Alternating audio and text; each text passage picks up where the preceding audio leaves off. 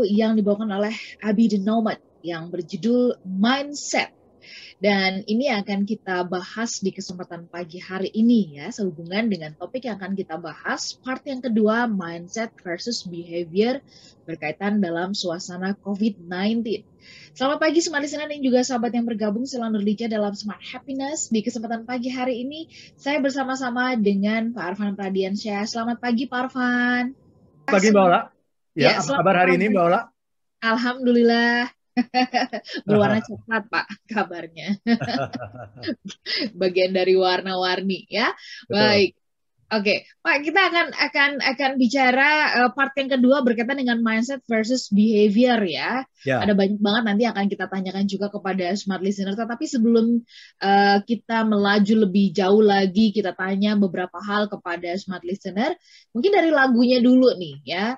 Uh, Pak Arfan ingin menggarisbawahi atau memberikan highlight di bagian tertentu di lagu yang baru saja kita nikmati begitu mindset silahkan Ya, terima kasih Mbak Ola ya. Ini lagu dari uh, Abby the Nomad ya. Dan lagunya ini bagus sekali nih ya dan agak khas gitu ya, agak berbeda dengan ya, lagu-lagu yang kebanyakan ya Mbak Ola ya. ya. Jadi lagu ini bercerita tentang uh, seorang penyanyi gitu yang mengalami kegelisahan gitu. Dia hmm. saat ini menjadi orang yang terkenal, uh, kaya gitu ya, tapi dia merasa kesepian gitu. Ya, tapi dia tetap bisa bertahan dalam keadaan tersebut karena dia punya sesuatu. Nah, itu. Apa sesuatu itu? Mindset. Nah, itu ya. Jadi uh, dia katakan dalam lagu ini begini, who I am is not what I wear. Siapa hmm. saya itu bukanlah apa yang saya pakai gitu. Jadi dia ini mengalami kegelisahan. Jadi beda gitu. Apa yang kelihatan dengan apa yang sesungguhnya dia rasakan. Ya, I'm grounded. Ya, saya sudah betul-betul jatuh ya. I think I hold myself up for something bigger. Saya pikir saya sedang uh, memegang erat-erat ya uh, sesuatu yang lebih besar gitu. Where I stand is not what I stand for. Di mana saya berdiri itu bukanlah apa yang sedang saya perjuangkan gitu.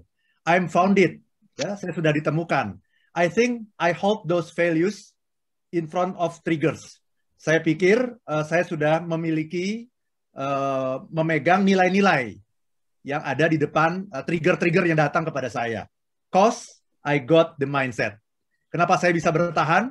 Karena saya punya mindset. Itu sampai diulang empat kali, Mbak Ola.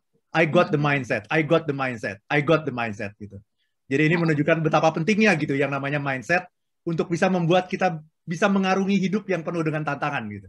Oke, okay.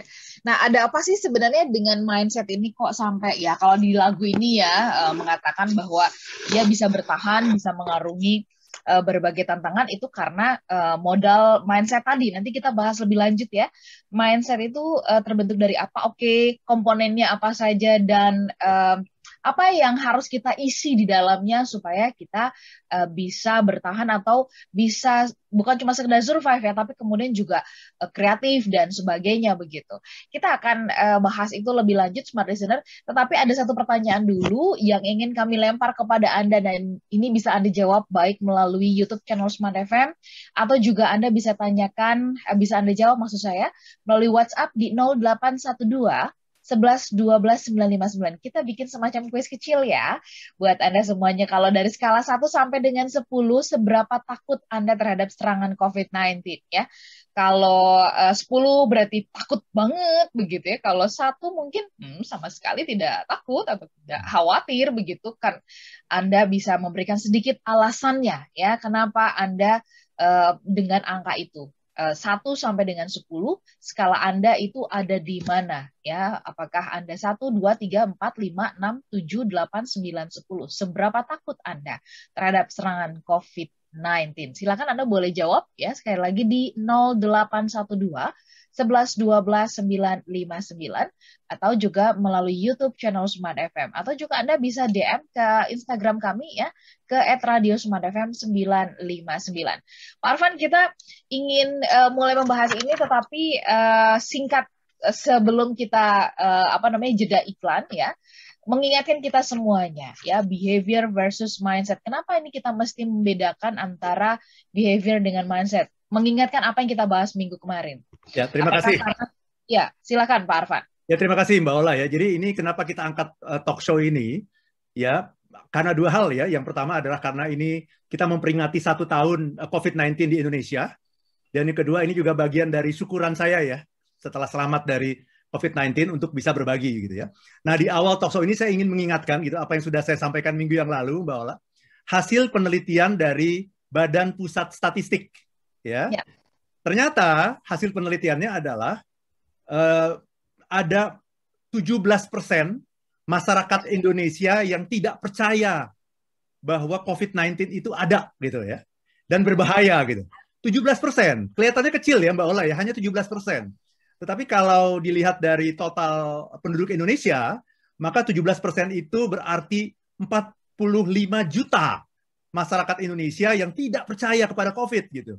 Nah, tidak aneh kalau seperti ini, kenapa Pak Presiden Jokowi sering kali mengeluh gitu. Ini kok kita sudah berlakukan PSBB tidak efektif ya, kemudian diganti lagi dengan PPKM ya, pelak, uh, pelaksanaan pemberlakuan kegiatan masyarakat gitu, PPKM ternyata juga masih tidak efektif dan masih tidak menurunkan uh, angka penularan COVID-19 gitu.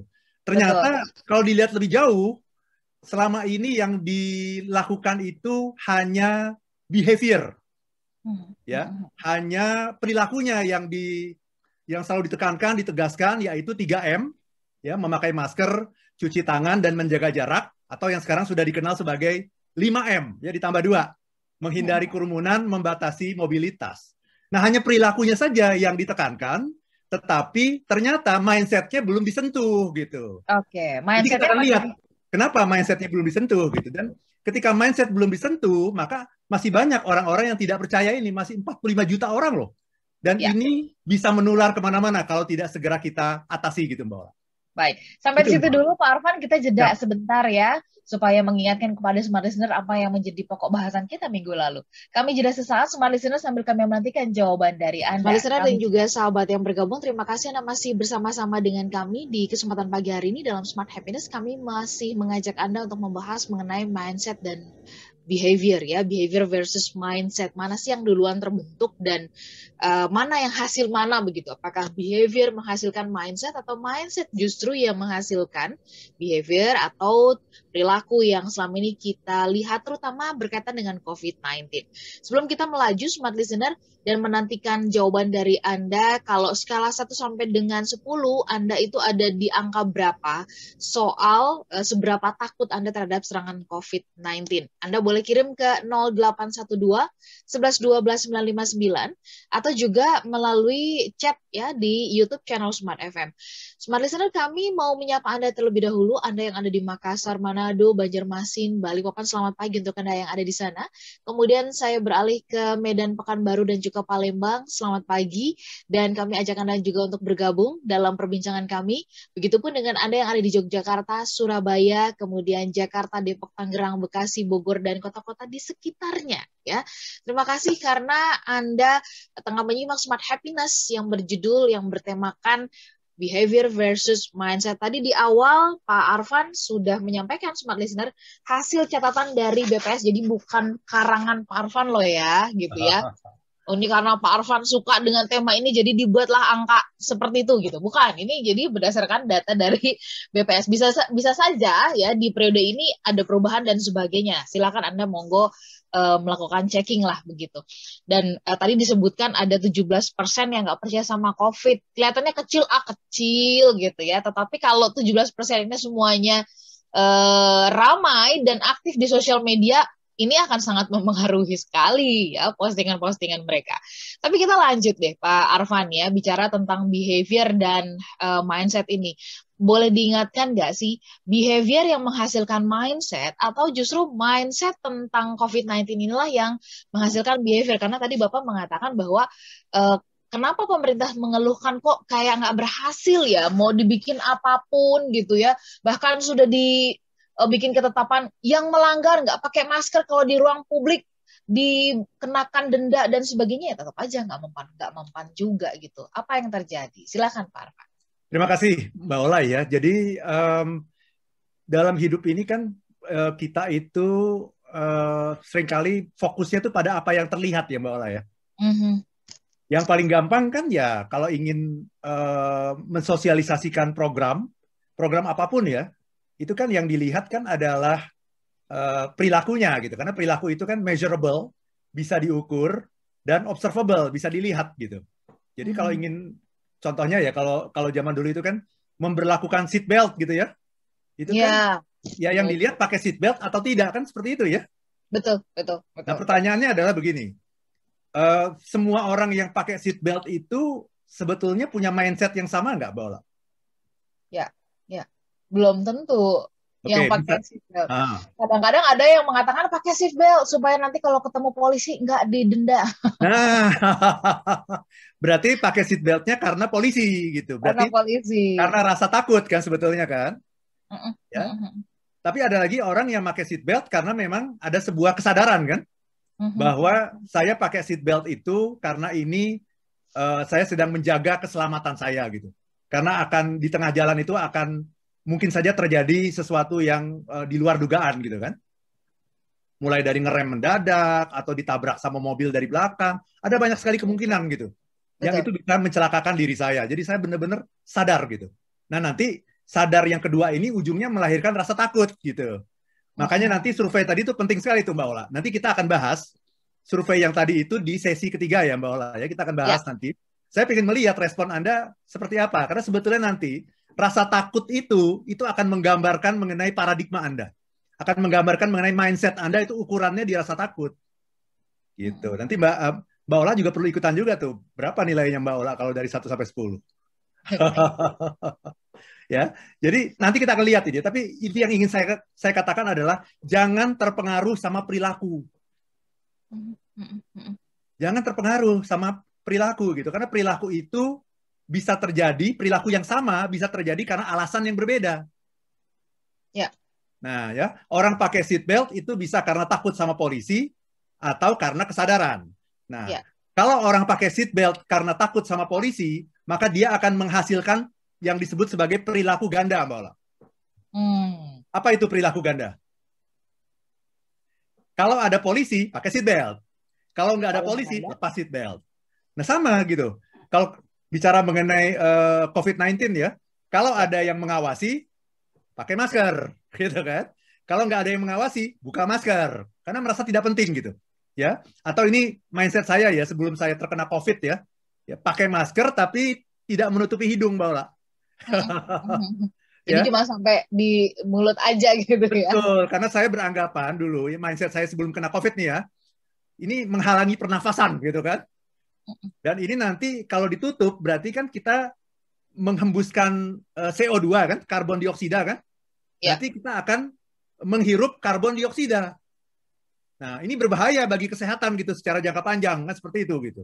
Sehingga apa? Saya kalau pakai masker itu kalau nggak ada yang lihat nih, Kalau nggak ada yang lihat itu cuma sampai ini, uh, sampai mulut saja, hidung dibiarkan terbuka supaya saya bisa menghirup udara yang bebas gitu. Tapi begitu ada yang lihat gitu, saya saya pergi ke tempat umum, Pak, tolong maskernya di dipakai Pak, ya, baru saya naikkan gitu. Artinya apa? Kalau orang mindsetnya belum benar, perilakunya selalu menghasilkan perilaku ganda, Mbak Ola. Perilaku ganda ya. Di depan berbeda, di belakang berbeda, begitu ya Pak Arman itulah yang sering kali disebut sebagai orang yang bermuka dua. oh, oke. Okay. Jadi ya, orang ya. yang bermuka dua itu sesungguhnya dasarnya adalah mindset. Mindset, ya. Mindsetnya itu hanya melakukan sesuatu kalau ada di depan publik. Jadi okay. dalam diri kita itu Mbak Ola, ada yang ya. namanya ya. front stage, ya. front stage dan backstage. Di depan panggung dan di belakang panggung. Dan nah, ini yang, uh, ya Ya, berlaku bukan cuma uh, berkaitan dengan COVID-19 ya, tapi juga dalam hal yang lain-lain juga seperti itu ya Pak Arfan. Betul, makanya ini penting sekali kita bahas mengenai mind mindset ini penting sekali. Kayak orang bersedekah gitu ya. Jangan ya. jangan tertipu sama orang yang bersedekah. Kemudian hmm. mengatakan bahwa orang itu orang baik. Belum tentu. Hmm. Ya kalau dalam agama itu Mbak Ola, semua perbuatan itu, ini uh, uh, hadis Nabi yang terkenal itu ya, bunyinya seperti ini Inamal a'malu biniat katanya. Sesungguhnya nilai dari segala sesuatu perbuatan itu bukan pada perbuatannya, tapi pada niatnya. Pada niatnya. Niat itu apa? Niat itu adalah mindset gitu. Mm-hmm. Jadi Mbak Ola jangan terpengaruh, jangan tertipu, terpedaya sama orang yang kelihatannya baik. Yang baik-baik sama Mbak Ola ramah, ya suka suka ngirim makanan, jangan terpengaruh. Itu namanya perilaku. Perilaku itu bisa menjadi ganda, perilaku ganda gitu ya. Yeah. Lain di depan, lain di belakang. Nah, yang membuat perilaku itu menyatu itu adalah mindset. Yeah. Gitu Mbak Ola. Jadi kalau mindsetnya benar, itu perilakunya pasti sama. Di depan panggung maupun di belakang panggung pasti sama. Di depan Mbak Ola sama di belakang Mbak Ola pasti sama. Nah kalau ada orang yang di depan Mbak Ola dan di belakang Mbak Ola berbeda, di depan baik tapi di belakang ngomongin kita ke mana-mana, itu menunjukkan mindsetnya tidak menyatu gitu hmm. dengan perilakunya. Nah hmm. dengan penjelasan saya tadi, berarti mudah-mudahan uh, smart listener dan sahabat Sonora Network menjadi lebih jelas ya bahwa yang menentukan segala sesuatu itu adalah mindset, pikiran kita, niat ya. yang ada di dalam diri kita, niatnya apa, motivasinya apa gitu, beliefnya apa gitu keyakinannya apa, prasangka-prasangkanya apa gitu. Dan hmm. itu akan mempengaruhi perilaku Anda.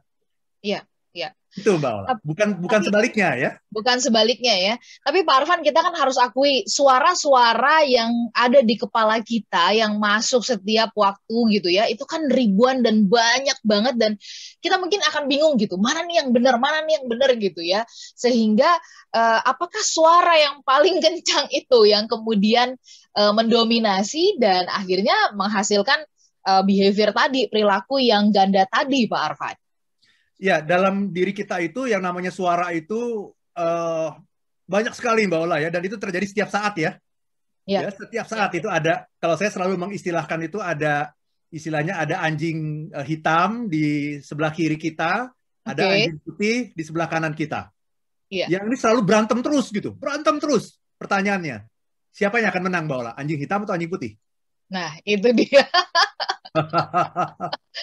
Bisa saja. Adalah, bisa saja yang menang itu adalah anjing hitam, bisa saja yang menang adalah anjing putih. Tapi uh, mana yang lebih banyak kita kasih makan gitu ya Pak Arfan? Betul, betul. Jadi mana yang lebih banyak kita uh, dengerin, mana yang lebih banyak kita kasih makan gitu, mana yang sesuai dengan belief kita.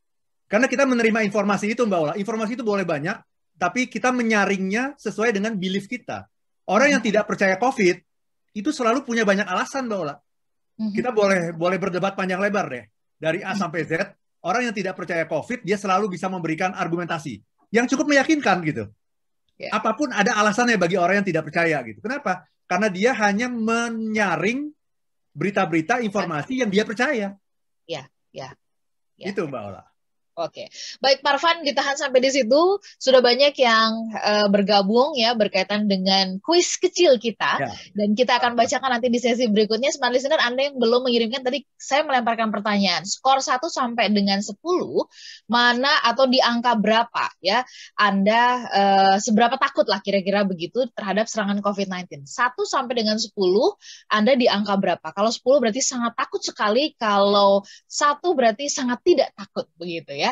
Kami jeda sesaat, Anda bisa kirim ke 0812 11 12 959 atau juga live chat di YouTube channel Smart FM.